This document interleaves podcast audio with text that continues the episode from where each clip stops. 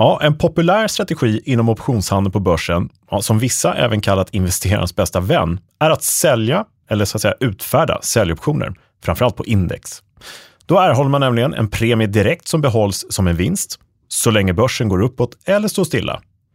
Men emellanåt går det ju faktiskt ner på börsen också och när det blir extra oroligt och hög volatilitet i marknaden så kan positionen lätt bli väldigt sur. Mm.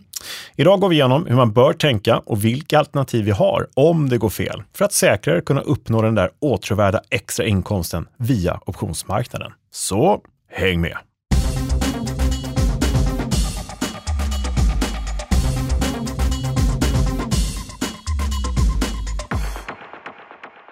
Ja, men välkommen tillbaka till Optionspodden. Det här är ju podden serie kunskaper som ingen privat eller professionell investerare på börsen bör vara utan, tycker vi.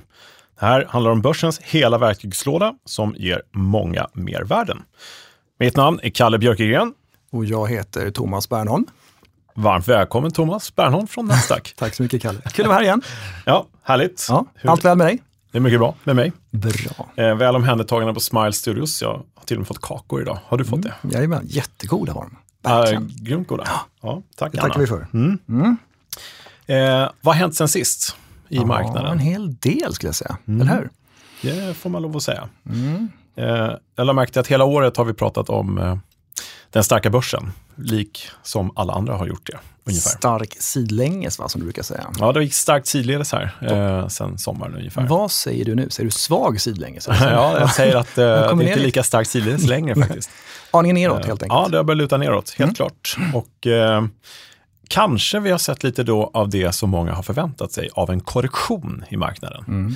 Men det här är spännande för att många som pratade om det för ett halvår sedan eller för bara någon månad sedan eh, gjorde det lite mer aktuellt att det skulle komma över en dag eller två. Mm. Lite psykologiskt så var det lite så många kände att nu kommer raset, nu kommer dippen och nu ska det gå ner mycket och Ja. snabbt. Sådär. Eh, Men det har det faktiskt inte gjort, utan eh, jag skulle säga att marknaden är i lite korrektionsläge. Eh, Om man tittar historiskt, alla år vi har varit med, så har vi sett det här ganska många gånger. Eh, Det tickar neråt. Mm. Eh, Det är lite vinsthemtagningar, det är lite ompositioneringar, Mm. det är lite omvärderingar. Och många passar då på att haka på, ta hem lite vinster, så det blir fullt naturligt. Utan att det behöver bli ja, men det här raset som många är ute efter. Då. Inte så dramatiskt med andra ord. Utan... Inte riktigt så dramatiskt, nej. Eh, Men sen har vi haft en topp på drygt 2400 på vårt eget OMX-index. Mm. Det är 2407 som var den 13 augusti. Mhm. Och sen den 6 oktober, det är någon vecka sedan tillbaka här, så var vi på vår lägsta på 2221. Mm. Och nu i, i talande stund så är vi 2230, 2235 någonstans där. Så att det har varit en liten dipp ner mot 8% nästan från toppen. Vilket jag får räkna som en liten lätt korrigering. Sen vet vi inte riktigt var det här ska ta vägen. Ska det fortsätta? Men vi har ju en liten aning i vår lilla marknadskoll om en stund här. Just det. Så. Sen kanske det inte är så dramatiskt, för jag tycker liksom att de flesta man pratat med, inklusive en, en själv, får jag Mm. medge, Ja. var väl kanske lite överraskade här över den starka uppgången som var under Mm. eh, sommaren och så tidigare på våren och sånt där. ja, men visst. Så Eh, att det korrigeras lite grann här är ju Mm. inte något konstigt egentligen. Nej, det känns ju helt naturligt på något sätt. Sådär. Mm. Eh, och det har varit väldigt mycket snack om TINA. There is no alternative. Räntan är fortsatt väldigt låg, pengar är väldigt billigt eh, och det sprutar fortfarande in eh, mycket stimulanser eh, från centralbanker och sådär. Och var ska pengarna ta vägen någonstans? Så att det är både logiskt att det har gått upp, men också väldigt liksom, logiskt att det ska korrigeras Mm. någon nivå också, förstås. Men som vi sa i introt här då, nu vet inte jag, det här, vissa har kallat det investerarens bästa vän, den här positionen. Mm. Jag vet inte om jag håller med om det riktigt, men eh, jag förstår ju tankegången kring det. Om man ser hur pass populär strategin är Mm. så kanske man kan förstå det i alla fall. Ja, många sälja puts alltså och få in premium. För det är ju bra, man får in premium direkt på kontot. Och Mm. Det låter ju attraktivt. Så här. Och varför tar vi upp det idag då, Kalle? Jo, men den här positionen har blivit högaktuell eftersom när börsen går ner, då tar man ju skada om man har en sån här position. Mm. Eh, Den bygger på att eh, marknaden ligger still eller går upp. Mm. Och ja, nu har det börjat röra sig neråt nästan 10% faktiskt. Och då händer grejer. Och bakgrunden är att många har hört av sig till dig via mejl Mm. och frågat lite grann. Ja, det har Ja. dykt upp en hel del frågor kring det där. Hur man ska göra och hur man ska behandla positionen och Sådär. Kanske lite grann hur man ska tänka innan man går in i den på nytt kanske. Och, sådär. Och lite rådande marknadsläge. Så det tänkte att eh, med din goda hjälp vi skulle reda ut här idag. Mm, kul. Ja. Och sen kan det vara så också att många sitter och funderar på att etablera en sån position nu kanske också. Man tycker att kommer ner lite grann, så det blir hög tid att göra det här. Då. ja, men visst. Det, Så det finns flera faktiskt ja, det, gör ju det. in, Och, eh, infallsvinklar. Ja, men det säger sig självt, det har varit en väldigt bra positionering under den här uppgångsfasen förstås. Eh, Verkligen. och sälja puttar. Och då ska vi också säga det att det här är en av de fyra grundpositionerna som vi kallar dem för. Då. Mm. Och sälja en säljoption, det är ju en så kallad lång position som man etablerar när man tror på en uppgång egentligen. Eller då stillastående till uppåtgående marknad. Just det. Och så länge det har gått upp här då så har det förstås varit bra och givande och den premie man får när man säljer den här säljoptionen, den får man helt enkelt behålla. Och man bygger liksom en liten avkastning eller vinst på det sättet. Just det. Så länge jag står stilla eller går upp lite grann. Ja. Exakt. Och då gäller det att tänka till lite grann, vad händer nu ifall det går åt andra hållet då? Mm. Och när du sa en lång position, man är alltså man är kort instrumentet, men man blir lång marknaden eller Mm. den eh, underliggande aktien. Just precis. Eh. Just det. Men det kan vi prata lite mer om. Ja, det kan vi göra. Det finns ju eh, sålda puts på index och det finns ju aktieoptioner som Mm. man kan sälja puts i också. Så det ska vi gå igenom. Ja.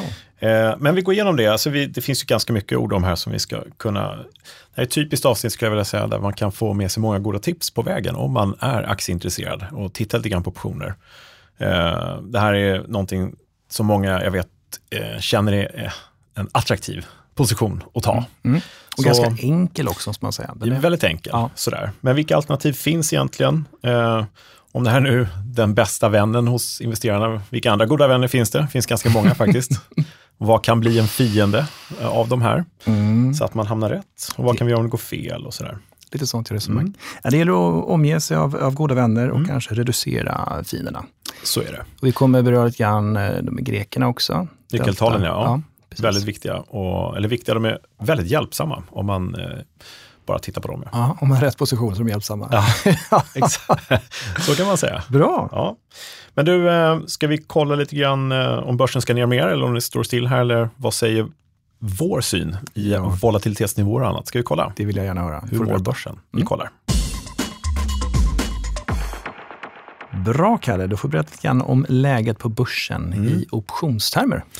Ja, läget på börsen. Ja, vi har gått igenom lite grann vad som har hänt. Det har ju börjat korrigera sig neråt, eh, så sakteliga.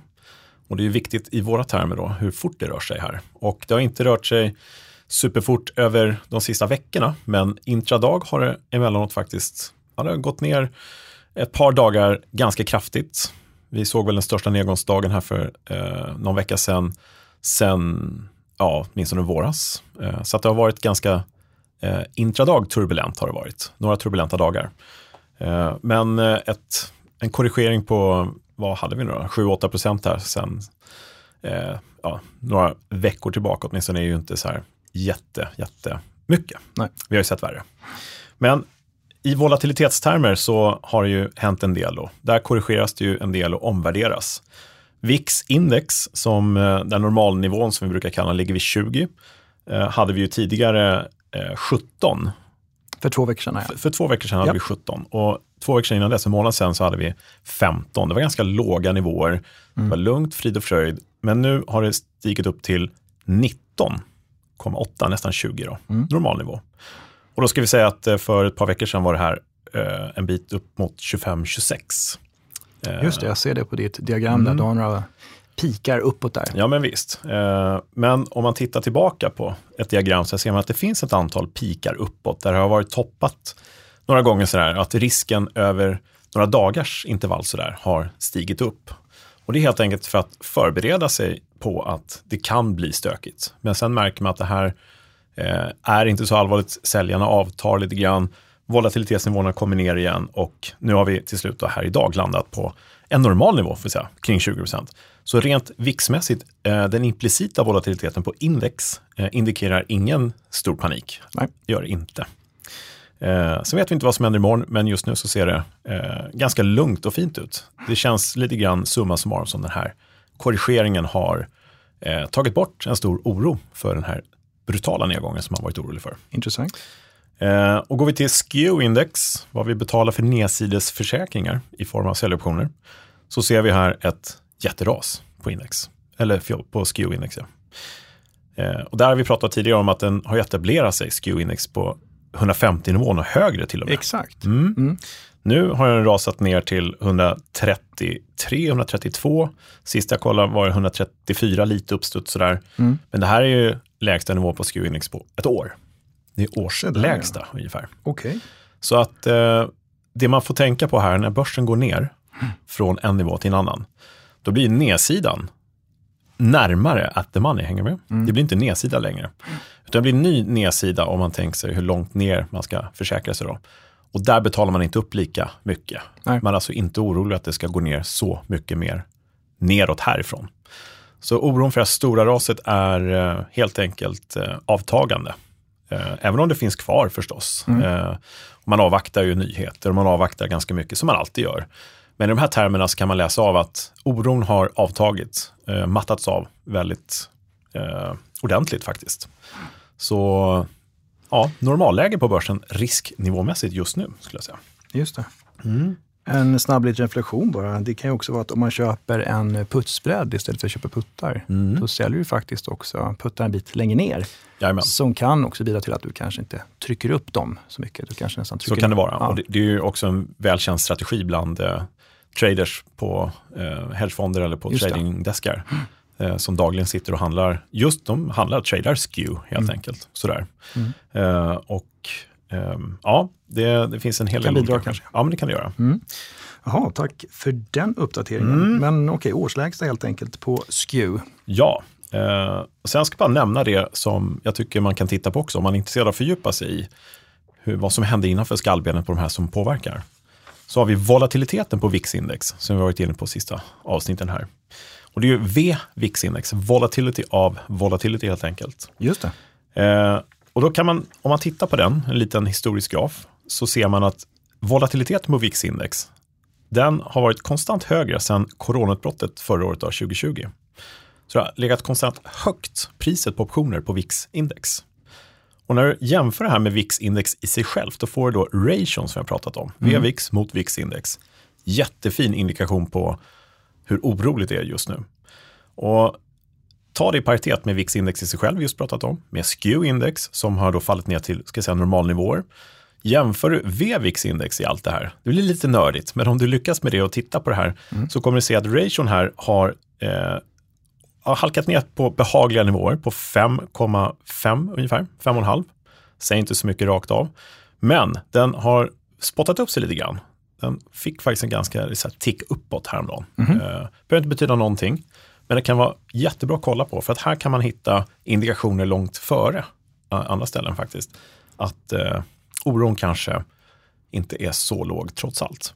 Men här indikerar just nu ingenting allvarligt överhuvudtaget. Så, Och vi pratade om det senast, men är det så att det kanske är uppe upp 7-7,5 någonting så är det betydligt högre risk. Exakt och, så. Och där var vi för två, tre månader sedan kanske någonting, eller hur var det? Ja, Eh, i somras här var vi uppe på alarmerande nivåer. Så Mm. att eh, amerikanerna ompositionerade sig faktiskt helt och hållet när de såg det där. Mm. Och märkte att det där tickade på uppåt. Och tänkte att nu kommer korrigeringen. Men det kom ingen stor korrigering alls och man positionerade om sig efter en rullning. Det var efter quadruple witching kanske. Mhm. Och sen så tickade det där neråt. Men det här är jättebra att hålla koll på också. För då får man en eh, väldigt bra övergripande blick på risker i marknaden. Eller det som händer i huvudet på de som agerar och det är kanske det bästa Just det. att ha koll på. Det. Bra. Eh, det om det. Mm. Och ja, vårt e- eget index i sammanhanget stora vida världen så kanske inte betyder så mycket. Men det är många som har positioner i våra indexpapper.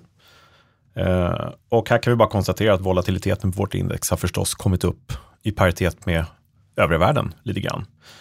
Och vi hade ju eh, eh, tidigare eh, eh, ja, men 10, 11, 12 nivå på vårt eget index i somras här. På OMXS30. På OMXS30 ja. Och det har ju tickat på uppåt och nu ligger det på 19 vol ungefär. Mm.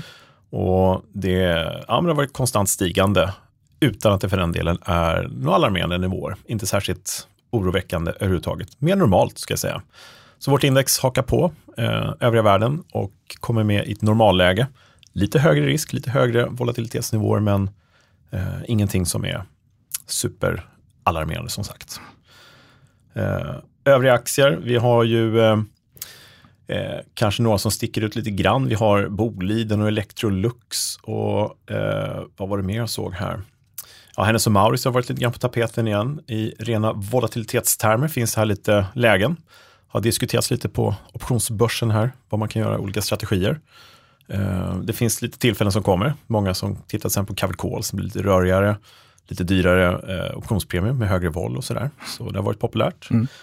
Eh, och vi har ju våran klassiker då som är Evolution Gaming som bara stiger. Den är över 62 vol nu för Aktien sjunker med vållan stiger. Ja, Ja. det brukar gå hand i handske det där Precis. lite grann. Så att, eh, ja, den här försöker vi lägga ut då på optionsbloggen.se så kan man gå in och titta lite närmare och fördjupa sig i de aktier man själv är intresserad av. Man tittar då på implicita vollen och den edgen, alltså jämför med den historiska. Hur aktien verkligen rör sig Mm. kontra hur marknaden värderar risken. Och just om implicit volatilitet är högre än historisk så har vi alltså en positiv edge. Just det, positiv edge, lite högre risk i marknadens syn på mot den verkliga rörelsen Mm. historiskt. Sådär. Och då lite bättre betalt om man säljer premium, säljer optioner helt enkelt. Yes. Så är det. Så att, eh, ja, vi har fått en eh, liten rörelse i marknaden som kanske, jag ska inte säga efterlängtad, men eh, det är fel att säga så, men det, det kanske har varit eh, väldigt förväntat. Och man kanske mår bra av att veta att det äntligen har liksom blivit det här logiska som många Mm. väntat på. Och du sa där i inledningen, orolig marknad sa du. Mm. Men det är, som du säger här, det är, det är kanske en rolig marknad för vissa, när det är volatilt och Ja. rör sig mycket. Och Så är det ju. Liksom. uppstår lite case. Mm. Ja, men, Många tycker nog att det är kul.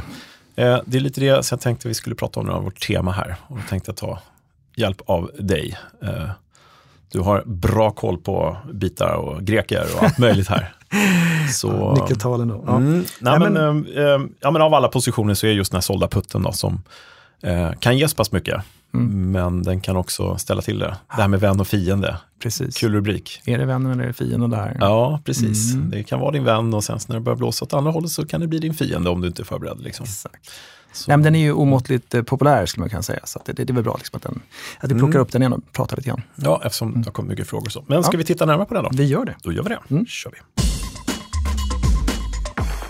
Ja, huvudtemat för dagen i Optionspodden. Sälja puts, erhålla premium, en populär strategi.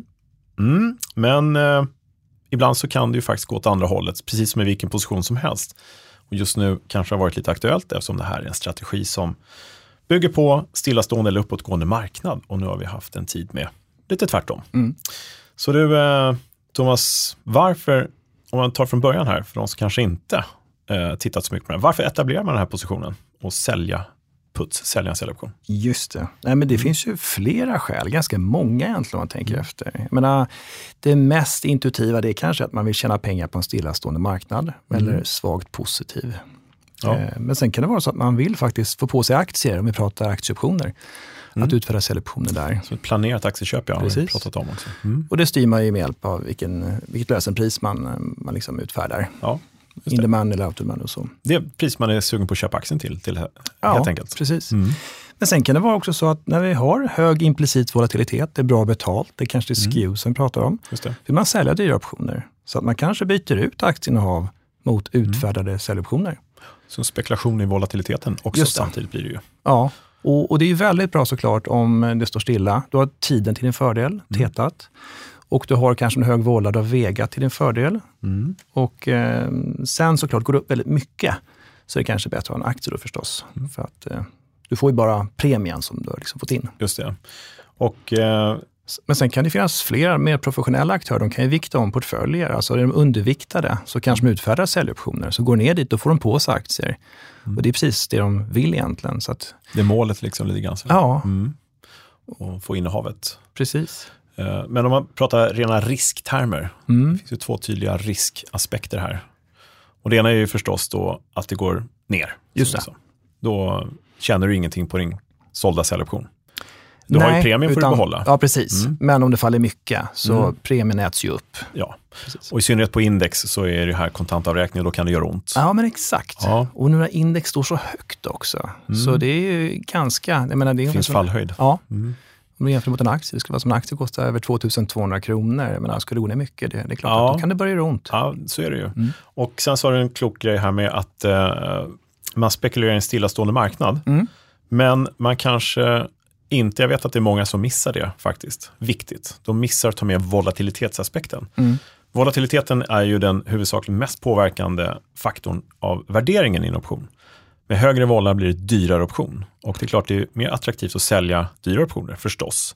Men då är det desto mer livligt i marknaden och högre risk. Många tror jag missar det här ibland och tänker bara på att det här kommer nog bara fortsätta upp eller stå stilla. Tänk inte så mycket på volatiliteten och mm. säljer kanske till en väldigt låg volatilitet. Mm. Som det kan vara när det ligger still förstås eller går upp som det har gjort här. Mm. Och då blir det ju faktiskt risk nummer två och det är ju att det blir väldigt mycket högre volatilitet. Det behöver inte alltid gå ner så mycket för att det ska bli det. Risken i marknaden kan öka av en liten nedgång och man får stigande volatilitetsnivåer och då kan man faktiskt förlora även i en stillastående marknad, mer eller mindre stillastående. Så bra faktor att ta med sig förstås. Mm, bra att känna till. Mm, väldigt bra. Det måste man känna till. Ja, nödvändigt faktiskt. Jag, ja. Mm. Exakt. Så, och som du säger, det mm. gör väldigt mycket för priset. Det gör det. Ja, mer än man tror. Volatiliteten. Ja, mer än man tror, ja. Mm. Precis. Så det är viktigt. Och, uh, mm. Men sen själva risken, om man tittar på den, eh, då tror jag att många blir lite nervösa om man har utfärdat säljoptioner. Mm. Men man ska backa lite och tänka efter, vad är det för position jag har? Skulle jag kunna tänka mig att ha aktier på den här nivån? Mm. Ja. Ska jag kunna tänka mig att kanske göra en covered call? Då sänker jag ju risken med en covered call. Just det. Med aktierna. Och en utfärdad put är ju syntetiskt samma sak som en covered call. Så du har alltså ett, en lägre risk egentligen än ett aktieinnehav. Och du har en likvärdig position som en covered call. Och när du säger lägre risk i en covered call, det är för att du helt enkelt har fått in en premium som du inte Just får det. annars. Exakt, du sänker ditt break-even där ju. Mm. Som jag pratade om tidigare.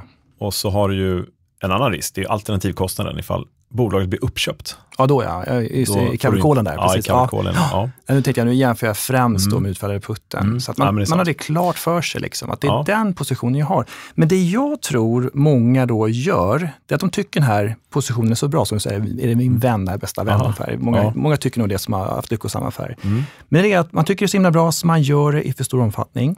Därför brukar vi prata om cash secured puts, det vill säga att du har tillräckligt med pengar på ditt konto mm. för att kunna ta på de här aktierna eller klara av då en rejäl nedgång på, på index. Mm. Så då, är man ganska, då har du i alla fall pengarna där. Just det. behöver inte någon panikåtgärd. Nej. Men många då tycker som sagt det är så jättebra det här så att de gör det kanske mm, fem gånger för mycket eller sådär. Ja, så att det, ja, men det är lockande att få in premium. Ja, liksom. ja precis. Det, det girigheten tar över lite grann där. Men, mm. men då kan det också bli en kalldusch. Mm. Och då måste man kunna parera det. Ja, eh, både du och jag har varit med om kunder och andra som har råkat ut för den här kallduschen. Och, och jag själv också. Ja. så det, absolut. Nej, så det är ingenting kan... som äh, är kul och det Nej. krävs ju inte så mycket av äh, lite planerande och äh, kunskaper kring mm. det hela som kan undvika det. Då. Mm. Så det är väl lite målet med övningen med hela avsnittet här på något sätt. Mm. Jag ska bara klargöra en sak. Du sa covered call och en såld put är mm. samma sak. Positionsmässigt är det ju det. Mm. Och det är lite kul, bara repetera det snabbt, att syntetiskt så är en covered call, alltså en köpt aktie och en såld köpoption identisk i sin alltså, marknadsmässiga graf mm. som en såld säljoption. Precis, det kan man rita om man vill. Ja. Och det, det skapar ja, men, större förståelse. Och ja, men det är fascinerande på något sätt. Mm. Eh, det är samma sak. Och det här visar dynamiken i optioner, hur man kan bygga och vrida ja. på saker och ting. Mm. Så det är bra att känna till också. Man har likvärdiga positioner där. Ja, men verkligen. Men för att hålla koll på grejerna här då, rent riskmässigt så har vi ju några riktiga vänner mm. i våra grekiska vänner. ja, precis. Det låter märkligt där, men nyckeltalen, ja. precis ja. Grekland mm. som man säger. Mm. Exakt. Eh. Ska man ta och repetera dem lite snabbt bara? Delta, gamma, teta, vega. Mm. Eh, har du en favorit eller? Eh, ja, jag gillar ju vegat. Ja, det gör det. Ja. Ja, ja. Gammal trader gillar ju volatilitetsfaktorn. V som i vega, volatilitet, det är lätt att komma ihåg. Ja. Och går hand i handske med tetat då. Så, eh, bra att hålla koll på när man är kort premium, sålt optioner. Och tetat visar alltså hur mycket man tappar i ja. tidsvärdeserosion, allt annat lika. Det är bra. T, dag. tappa tidsvärde. Ja. ja. Eller mm. tjäna tidsvärde faktiskt. Just det, många bra eh, tumregler. Mm. Men jag tycker också man kan prata lite grann om, om gammalt här. För ja, det är en gammal vän. Ja, en gammal vän, ja, ja. precis. Ja, exakt, så mm. kan man se på det. Eh, nej men om vi tänker så här, om jag köper en köpoption med lång löptid och det går upp. Mm. Jag kan köpa en at money-option. Ja. Då har vi alltså delta på 0,5, det är vår tumregel. Mm. Det vill säga, går aktien upp en krona så går, går optionen upp för 50 öre. Mm. Men gammalt gör ju då att deltat stiger för köpoptionen när det går upp. Ja. Så gammalt är en väldigt bra vän, om jag får uttrycka mig så, som använder dina ord här. Mm. Så, för då stiger deltat hela tiden. Så att ju mer det går upp, Mm. desto längre blir jag. Just det. Eller hur? För Mm. deltat stiger då. Och det låter ju bra när det går uppåt. Verkligen. Mm. Men det är bra om det går neråt. För att, jag menar, går det åt fel håll, Mm. och optioner, så sänks ju risken, eller sänks ju deltat. Ja. Med tanke på att det går ner. Sen förlorar då kanske alltså på optionen som börjar bli mindre och mindre värd. Mm. Men risken sjunker ju. Men det här blir ju då det omvända Mm. om jag utfärdat optioner. Och tittar vi på säljoptionen då, då så blir det då att om jag utfärdat en säljoption at the money Mm. som har delta minus 0,5 och sen så börjar det falla, så stiger det här deltat. Det vill säga det blir kanske minus 0,6, minus 0,7 och så vidare. Mm. Då ökar min exponering. Så att ju mer det faller, desto längre blir jag och det är inte för bra att vara lång i nedgående marknad, så Nej. att då förlorar mer. Och det här eh, ska man ha lite koll på. Det är en god idé. Ja, Om du säger minus är det för att deltat är minus i säljoptioner. exakt. Negativt delta ja, där. precis. Ja. Negativt delta. Mm. Eh, och det blir logiskt. Eh, sen så har vi pratat tidigare avsnitt om det som kallas för delta-neutral position. Bra att du säger det, för Ja. jag skulle precis ta upp det. Vad bra, toppen. Det hör ju till lite grann Ja. i, i kunskaperna. Mm. Så shoot.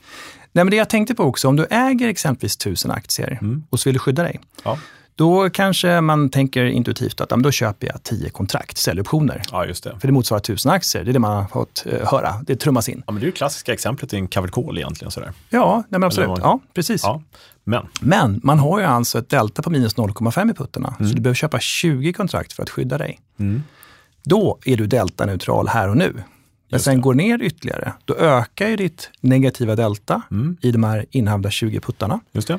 Och då får du alltså eh, då får du en kort position. Du är inte delta-neutral längre. Nej.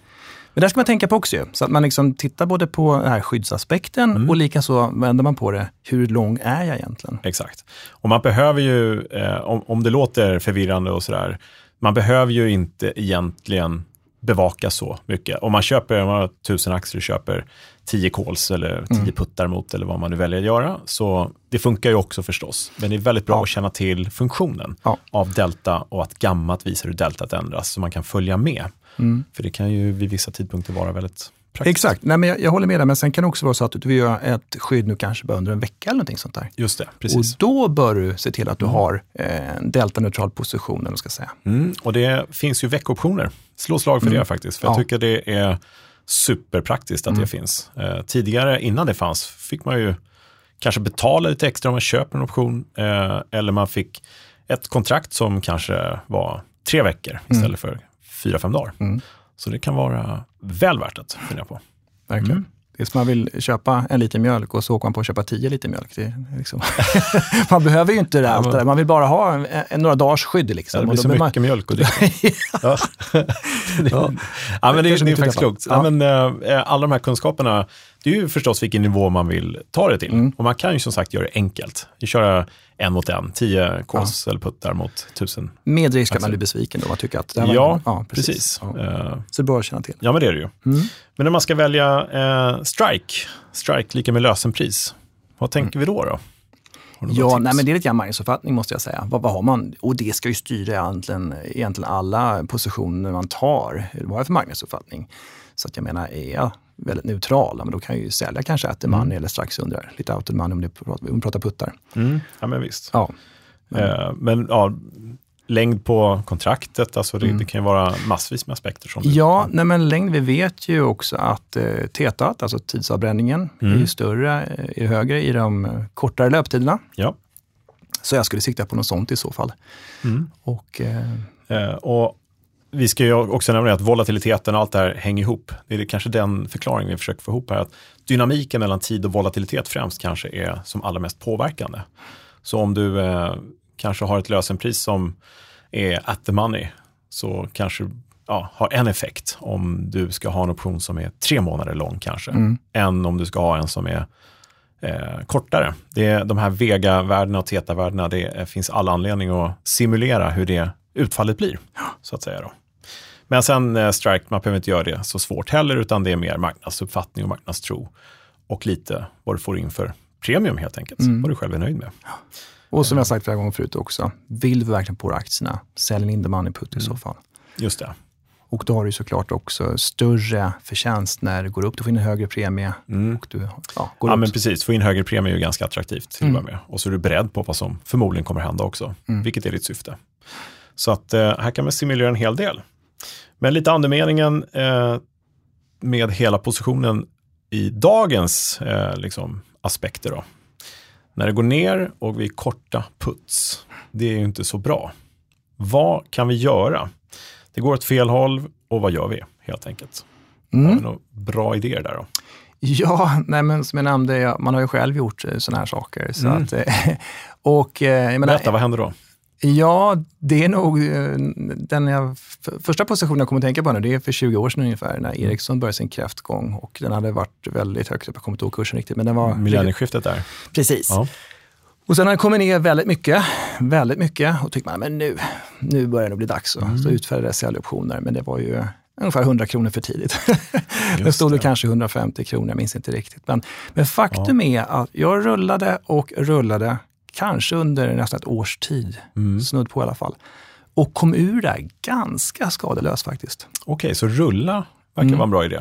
Ja, eh, ja, men det var nog väldigt hög implicit volatilitet också, tänker jag efter. Så att du fick det ganska bra betalt. Ja. ja. Du fick bra betalt för att sälja tid. Mm. Så att jag fick ju då såklart köpa tillbaka in the money puts. Ja. Och så sålde jag framförallt tid och fortsatte och fortsatte och fortsatte. Det är klart jag förlorade på det, men inte supermycket. Absolut Nej. inte 100 kronor som aktien rörde sig ner. Nej. Absolut inte, men det kanske var, eh, ja, jag kan bara gissa, men säg att det var 20, kanske 25 mm. eller sånt där. Då.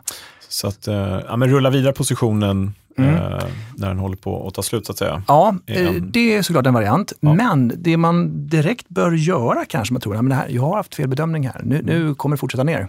Mm. Har du aktier, kanske samma aktie eller någon som har bra korrelerat, liksom, sälj lite andra aktier, du sänker exponeringen generellt. Mm. Uh, har du inga aktier, du kanske säljer aktieterminer mm. emot. Ja. Eller kanske, ja, uh, miniterminer finns också, om vi pratar index, som liksom tar det pö om pö liksom lite grann. Ja.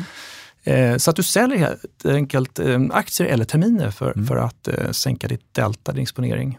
Men vi vet också att grundpositionerna har ju liksom lite olika egenskaper. Köper du en kol är du lång, säljer du en kol är du kort. Ja. Köper du en putt är du kort och säljer du en, kol, eller säljer du en, en putt är du lång. Mm. Och det kan du också laborera med. Så kan man göra. Du, du kan ju även eh, om du känner att nej, det här gick åt fel håll, mm. så kan du ju, om du har sålt en putt på index till exempel. Eh, ena är ju som du sa, man kan ju eh, ja, men sälja terminen emot den sålda putten. Det blir lite så här motsägelsefullt för vissa. Jag har ju sålt en, jag kan inte sälja den andra. Mm. Men det är en lång position, en såld putt. Och då säljer man terminen emot. Och, eh, ja, då neutraliserar man sig. Delta-neutral blir det faktiskt då, ja. återigen. Men det du också kan göra är att skapa en puttspread av det hela. Mm. Så att du köper en putt, en vanlig försäkring som du gör i andra sammanhang, mm. på nedsidan. Då kommer du få en puttspread. Och, och i alla de här fallen egentligen, har du kommit ner lite grann så låser du faktiskt in en förlust kan man säga. Mm. Det blir faktiskt så. Men det, det kanske man behöver ta. Om man tror att det kommer fortsätta ner. Ja, eh, jag läste dina anteckningar eh, av olika alternativ. Och mm. en är ju faktiskt helt krass och kanske i vissa lägen det bästa. Det står ta smällen. Ska vi så? Ja, ja det gjorde du. Men ibland är det faktiskt eh, så pass. Och ja. eh, det jag kommer tjata lite grann om här är ju den goda eh, målsättningen, den goda tradingplanen och att mm. följa den.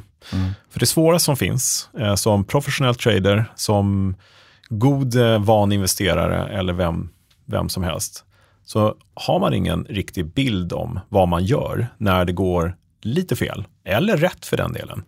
När det väl är där, då väntar inte marknaden, mm. utan det kommer fortsätta handlas. Och då är det som svårast att hitta bra lösningar. Så simulera det innan och när tar man smällen som vi säger då? Mm. När gör du en putsbredd? Är det det bästa? Säljer du en termin emot eller vill du ta in aktierna eller vad har du för alternativ? Liksom? Mm. Så det är alltid bra att förbereda sig på det innan. Då. Ja, visst. Men rullningar lät ju bra. Ja, det blir ett bra alternativ. Ja. Men sen kanske det är så också att eh, du låter dina optioner gå till lösen om det är aktieoptioner, så får du på dig aktierna. Mm. Sådär. Och backar vi till det jag sa här, eller som vi eh, påtalade, att du har egentligen en, en covered call. Mm. Hur pass blodigt tycker du att det är? Ja, egentligen, i, ja. i rådande marknadsläge. Mm. Det kanske inte är så farligt, utan man, man kan bli lite skärrad man ser att putten går åt fel håll. Men ja. stanna, upp, stanna upp och tänk efter. Är det liksom, mm. vad är det som jag Ny har? analys, ja, ja, lite så. allt det här. Fick mig att tänka på ett eh, gammalt talesätt från, från försvaret. Ja. Och om det händer någonting, då det stopp. Var det bara. Alltså stanna, tänk efter, orientera, planera. Lite grann så också. Fantastiskt. Ja. Stoppskylten i uh, mitt sinne, den ja, röda. Ja, Precis. Nej, men stanna, tänk efter, orientera, planera. Lite grann Ja, så. Det ja, men, perfekt. Eh, för rullning, bara för att ta det, det är självklart inte svårare än att när löptiden håller på att rinna ut så köper man tillbaka sin korta Mm. sålda säljoption och säljer en ny. Det du gör egentligen är en putsbredd. Eh, kan man nästan leka med tanken. Mm. Men då går det in i nästa löptid så att säga, ytterligare några veckor då, åtminstone. Och då får ny premium betald. Och lite, eh, kan bli lite läkemedel på såren sådär. Mm, Men det gäller att tänka efter. Och allting är ju rådande marknadslägen och så vidare. Ja. Och som vi vet är ju risken ganska låg att det blir löst på en utfärdad putt. Mm. Så du kan låta den löpa ganska länge och försöka egentligen bara att du köper tillbaka det reala värdet. kanske finns Ja. Mm. lite tidsvärde kvar. Och så försöker du sälja desto mer tid i den, eh, ja, i den position du Mm. byter till, så att säga, den utfärdar. ja, men visst. Eh, här har vi ju, tycker jag, ett bra exempel på de som orkar lyssna så här långt. Är ju ett, en av grundpositionerna. Hur mycket avancerat tänk det egentligen kan krävas eller vad som kan behövas och vilka möjligheter man faktiskt har under resans gång med sin position. Och målet med övningen är förstås att man ska komma helskinnad och helst lite rikare ur alla de här positionerna. förstås då. Men det här kan vi ju då utveckla också till om vi gör en putsbredd av det hela, som vi sa. Vi köper en putt på nedsidan någonstans om det går lite åt fel håll. Eh, du kan ju då göra till exempel, du kan behålla den positionen, du kan ju köpa en kolspread på uppsidan. Och vad händer då? Du kan skapa en, ja, men Iron Condor till exempel. Mm. Du kan hamna i den positionen, du kan bygga vidare. Det här kräver förstås lite simulering och lite... Var, hur hamnar vi här? Ja, shit vad hände? ja visst. Helt plötsligt en Iron Condor på. Ja, precis. Nej, men det är som vi pratade om tidigare. Lego, liksom, man kan bygga Mm. en position. Nej, men bara så att det finns en del hand, handelsalternativ, handlingsalternativ skulle jag säga. Mm. Just att eh, om man sitter i ett läge, så tänk efter. Det, det finns flera lösningar på problemet. Ja, men det gör ju det. Så att eh, om man ska summera här lite grann. Eh, det är inte fel att sälja en säljoption för att få in premium i vare sig aktieoptioner eller indexoptioner. Men det som kan krävas är en god marknadsuppfattning åtminstone. Och man brukar ju säga det, har man ingen uppfattning om riktning eller uppfattning om den implicita volatiliteten i marknaden, då ska man steppa tillbaka tills man har det. Mm. För att gå in i en marknad utan någon som helst uppfattning om det, och då menar jag att man inte har koll på hur det har gått historiskt eller man bara gör det på liksom, lite chans. Då är det inte eh, ofta det går rätt, så att säga. Så bra marknadsuppfattning om eh, riktning och implicit volatilitet. Och sen, som vi precis har pratat om, vad kan man göra ifall det går snett? Och ha den förberedelsen intakt innan man går in i positionen. Ska vi rulla om det går dit eller dit? Ska vi göra en putsbredd eller ska vi köpa en termin eller ska vi ja, göra någonting annat? Och när sänker man exponering? Och sen tycker jag också man ska tänka så här, det kan vara surt att realisera en förlust. Man stänger till, det hade varit en, en torsk. Det Men, blir aldrig kul. ja, men då kanske det är så att titta på din hela portfölj egentligen. Du kanske har eh, 80 procent eh, eh, vinstpapper egentligen, fonder eller någonting sånt. Det, det är grejer som har gått bra. Ja, visst. Så se det som en del i det hela. Totalen är fortfarande ganska bra. Så att, Ja, självklart. Och simulera det från början också så att man vet liksom vilken eh, exponering man har huvudsakligen. Sådär. Så att, eh, det kan ju också hjälpa till att kanske behålla positionen lite längre eller att man tar bort den tidigare än vad man kanske har tänkt sig från början. Och sådär. Och det är A och O lite grann det här med planering och tradingplan och allt det där. Så vi tjatar, eller jag tjatar om det. Men det är så pass viktigt. Är det något man har fått med sig under många år så är det ju faktiskt det. Tycker jag. bra. Så det är så. Så simulera olika utfall. Det kommer ju som sagt bli mycket svårare att agera utan förberedelser. Mitt i när marknaden står och går åt fel håll. Där. Hade du något mer klokt att säga om just den här? Det skulle kunna vara ett alternativ till då, som jag inte nämnde, att du kan ju köpa en säljoption med lång löptid som inte är så känslig för volatilitet och sådär. Och så har du då, nu har du en utfärdad säljoption redan med kortare löptid. Men du har i alla fall ett skydd, du slipper orolig. Det kanske reglerar upp lite grann. Och sådär, så att det, det kan vara ett alternativ också. Då. Men då lägger du ut en del. Ja, men du får betala lite, men du köper samtidigt tid, vilket kan vara väl värt i vissa Ja, situationer. Precis, och det förutsätter Så kanske att du tror på en fortsatt nedgång också. Lite. Mm, Så. Just det. Ja, nej, men klokt. Eh, lite tidsspread av någon. Ja, det blir det ju. Precis. Sådär. Det, bara, Ja. det kan man titta på i alla fall, om man är beredd att lägga ut lite pengar. Nej, vad bra. Det slår mig hur mycket möjligheter det faktiskt finns. Mm. Och i en sån enkel position som att sälja ett optionskontrakt så kan man utröna väldigt mycket av eh, både planering och alternativ och sådär. Så att eh, här finns det saker att tänka på. Ja. Och, och jag menar, eh, kanske för att säga, men det finns ju massa andra strategier. Det kanske, du kanske har lite andra innehav som du etablerar ett fence eller collar mot eller gör en trebening mot nedsidan liksom och, och såna här saker. Ja, så. ja. Men Ja. det finns ju massa saker man kan titta på, så glöm inte det heller. Nu fick jag den här emojin där hjärnan exploderar. Hos folk bara, ah, det finns mycket. Ja, det finns väldigt mycket. Det, det är därför vi har eh, många goda avsnitt framför oss att diskutera Ja. alla möjliga varianter. Bra. Men du, eh, ska vi ta eh, från det här, puttarnas, de sålda puttarnas värld till eh, lite frågeställning som har kommit in. Det kommer in Ja. mycket frågor. Ska vi ta lite sådana? Ja, visst. Då fortsätter vi med det. Ja, Kalle, vad har du fått in för frågor till dagens avsnitt? Ja, vi har valt ut några stycken här. Lite, jag ska inte säga helt med slump, men eh, det är lite sådär. Det kommer ju ofta sjuka frågor som berör ungefär samma saker. Eh, Och eh, ofta är det de här frågorna faktiskt som styr lite avsnittens innehåll också. Mm. Vi försöker liksom, målet med övningen är att sprida kunskaperna så att det blir bättre affärer. Senast idag, va? senast Så, idag, ja. ja. Just faktiskt så. så korta putsar. Men eh, Staffan har frågat så här eh, om covered call. Behöver jag låsa aktierna när jag etablerat en covered call? Och då tror jag Staffan menar, behöver jag reservera aktierna och får jag inte röra dem om jag har en covered call? Och det kan vara en klok och bra eh, fråga faktiskt. Mm. Har du något klokt svar? Nej, återigen så hamnar vi den frågan till banken egentligen. För det är, vissa banker hanterar sådana saker lite olika och så. Men du bör ju ha aktierna eh, på kontot. Eh, för att, ja, Ja. De- bör finnas där helt enkelt. Ja, och jag skulle vilja säga att om Staffan säljer sina aktier samtidigt som han har en såld köpoption mot aktierna så kanske inte så mycket kommer hända mer än att eh, hans säkerhetskrav kommer ändras lite grann. Eh, och riskaspekten ändras ju dramatiskt. Eh, han har inga aktier att leverera helt enkelt om det blir lösen på de här. Nej, jag tror det är klokt i att låta dem ligga och reservera dem och inte räkna med dem. Så att inte blir... Ja, annars är det en naked call och ingen covered call. Men eh, vem vet, Staffan kanske har en specialstrategi att han har annat eh, som täcker eller någonting. Så Ja. Sen kan han säkerligen handla aktierna kanske intradag lite fram och tillbaka och sådär. Kanske han kan, men det är som sagt, man får kolla med sin bank. Ja, jag har fått flera frågor också, i, kommer jag på nu, om eh, om man har aktien på ett annat konto. Vilket kan ha olika betydelser. Mm. Och ja, det är ju lite annorlunda förstås eh, i positionering, men det är ju helt klart en fråga för banken. Då. Eller närmare en fråga för banken. Men riskmässigt så funkar väl det också. Eh, Jan, jag höll nära att säga Janne, förlåt Jan, det står Jan, men eh, Jan frågar, hur ska jag tänka när jag etablerar en fence? Och här har varit lite poppis eh, i aspekten att man ska skyddas mot nedsidan då, nu när det har börjat röra på sig lite grann. Mm. Eh, ja, hur etablerar man en fence helt enkelt?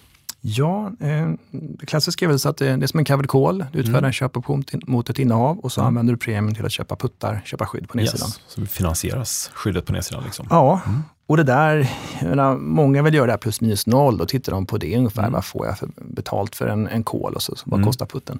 Men jag tycker det som ska styra är väl lite grann, tror jag att det kommer gå upp lite grann eller gå ner lite grann? Man är Ja. såklart orolig på nedsidan och var vill jag skydda mig? Det tycker jag är en bra utgångspunkt. Ja.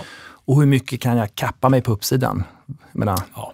var, var är jag nöjd så att säga? Ja, men så, visst. Ja, lite så. Eh, och vi ska säga att en eh, fence, det är ju grafiskt identiskt med en call spread. Ja. Call, call spread? Call spread? call spread, ja. Nej, men annars är väl en eh, klassiker som jag brukar nämna att eh, när en eh, risken i en covered call just är ju nedsidan, att det går ner väldigt mycket. Och för att sova bättre på natten med en covered call på så köper man kanske, det kan räcka med veckoptionsputt, en försäkring på nedsidan. Och då har man ju en fence. Man sätter staket runt vinsten från sin covered call så den inte smiter. Därav namnet. Det är bra. Ja, det är fence det. Så, eh, så gör man. Man köper putt på nedsidan och en call säljer man på ovansidan helt Ja. enkelt mot aktien. Eller titta på en call spread. Och, och bra att du tar upp veckoptioner, för är det så att du har det korta perspektivet, titta på veckoptioner. Och likaså, tar du månadsoptioner vanliga, eh, det kanske är så att det är en månad eller två som du känner att ah, men, här är lite stökigt. Mm. Så att, så att man inte köper jättelånga kanske optioner i så fall. Nej, men det kan ju vara nu eh, när vållan stiger lite grann. Det är läge att göra en covered call på ett aktieinnehav kanske.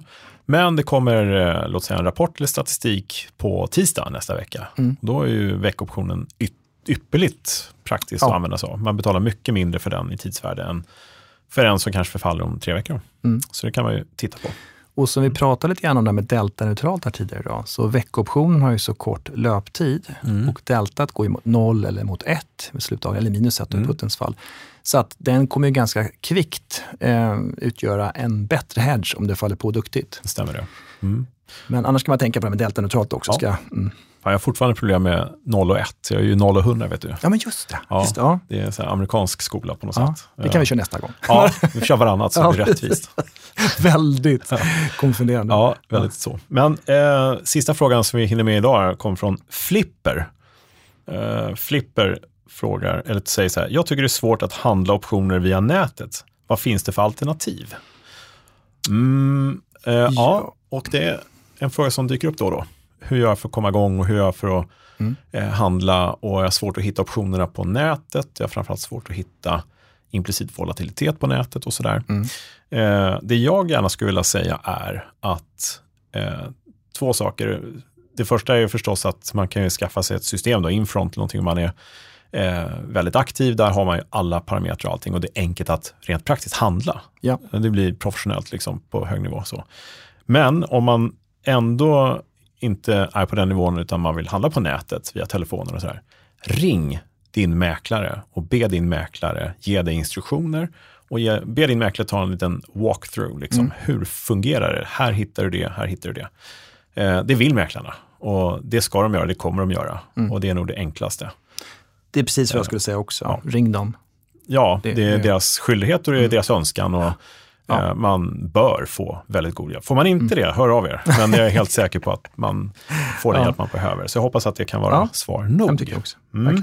Bra. För vi vill ju att alla ska kunna ha enkla vägar att handla optioner och göra bra affärer i sina aktieportföljer. Yes.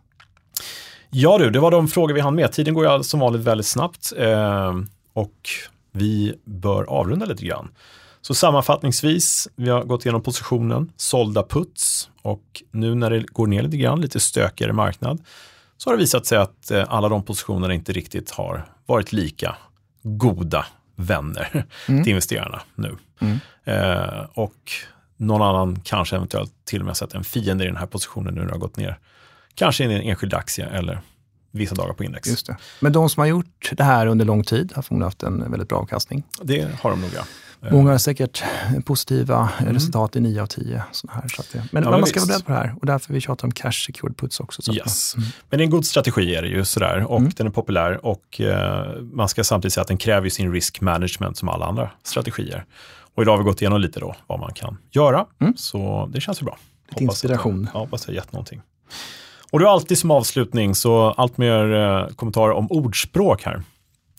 Och vi hade ju eh, Norron med här ju sist, som Just var fornnordiska ja, var det va? ja, precis. Så vi har hittat lite fornnordiska precis. aspekter på Det var kul att googla lite grann och kolla Mm. lite gamla nordiska ordspråk. Ja. Det finns ju massa skojigt. Så vi har fått lite övriga förslag, men vi, låt, vi skickar dem eh, till kommande avsnitt för att det här var mycket bättre. Nej, det var, det, det var, det var lite roligt i alla fall. Ja. Eh, Så min favorit var, sedan skadan är skedd, vet var man goda råd. Mm. Uttalar det rätt? Vet var man. Sedan skadan är skedd, vet var man goda råd. Ja, Mm. Lite så här temat eh, ja, jag, backtrada och... ja handla i backspegeln. Jag visste Ja. väl det, så skulle jag gjort. Ja. Lite avdelning, eh, förbered din handel, Ja. liksom, lite grann. Så Ja, det. jag hittade lite andra trevliga, roliga här. Och, Gjorde du? Får, Ja. jag höra då. eh, jag tänkte på det här med utfärdade puttar. Mm. Små buskar blir höga träd. Det kan bli så om det faller på mycket. Du Mm. Ja. får in en liten premie och sen kanske faller jättemycket. Då kan det bli ett högt träd så att säga. Då kan det bli större än man räknar med. Klokt. Mm. Vad fint. Ja. Ja, Små buskar blev, jag såg busken blev ett stort träd här. ja precis. Men det är väl bra. Nej, men sen också Ja. bara, när solen skiner behövs ingen lykta. Då är allt frid och fröjd, Mm. men när det hettar till lite grann, då, då kan man behöva lite vägledning, Ja, det är riktigt. lite, så, lite kunskap. Och den du sa till mig var min favorit i livet från och med nu och resten av livet. Objuden gäst är inte alltid välkommen. den är bra. Den tycker vi... eh. Typ, Tänk, eh, tänker du på nedgången nu? Så ja, jag tycker vi knyter ihop säcken med den. Liksom, ja, jättebra. Vad bra. Nej, men du, eh, är det något mer vi behöver ha den här dag? Tiden går. Vi ska inte ta för mycket tid av våra kära lyssnare. Eh, Vi har mycket som kommer framöver. Kul gäster på gång Mm. i kommande avsnitt och sådär. Hösten rusar på. Följ oss på optionspodden.se för tidigare avsnitt. Där kan man alltid hämta in mycket god information och inspiration förhoppningsvis. Vi har optionsbloggen.se. Kontakta mig på Twitter ifall något ni undrar över, att cbjorkegren. Uh, ja, gå in på optionsplay.se och mm. lek med optioner där och se vad man kan åstadkomma. Sen uh, har vi ju hela tiden utbildningsinitiativ, för, även för eh, alltså, professionella och mm. Det säga, fondbolag och andra ja. kapitalförvaltare och sånt där. Så det är bara att kontakta oss om det låter intressant. Självklart. Och eh, vill man ha en gratis kurs här nu, när man lyssnar, gå in på optionskurs.nu så får man en gratis fem dagars liten introkurs om man känner att man behöver det. Med det sagt så stort tack för idag Thomas. Jag tycker vi har gjort bra ifrån oss idag igen. Tycker du det? hyllar, vi hyllar oss själva lite grann. Nej, men kul att kunna ja. resonera lite grann kring Alltid trevligt. Ämnet. Bra, Skicka in fler frågor till alla och ja, tack för idag. Tack för idag. Ha det så bra. bra. Tjena. Hej. Hej.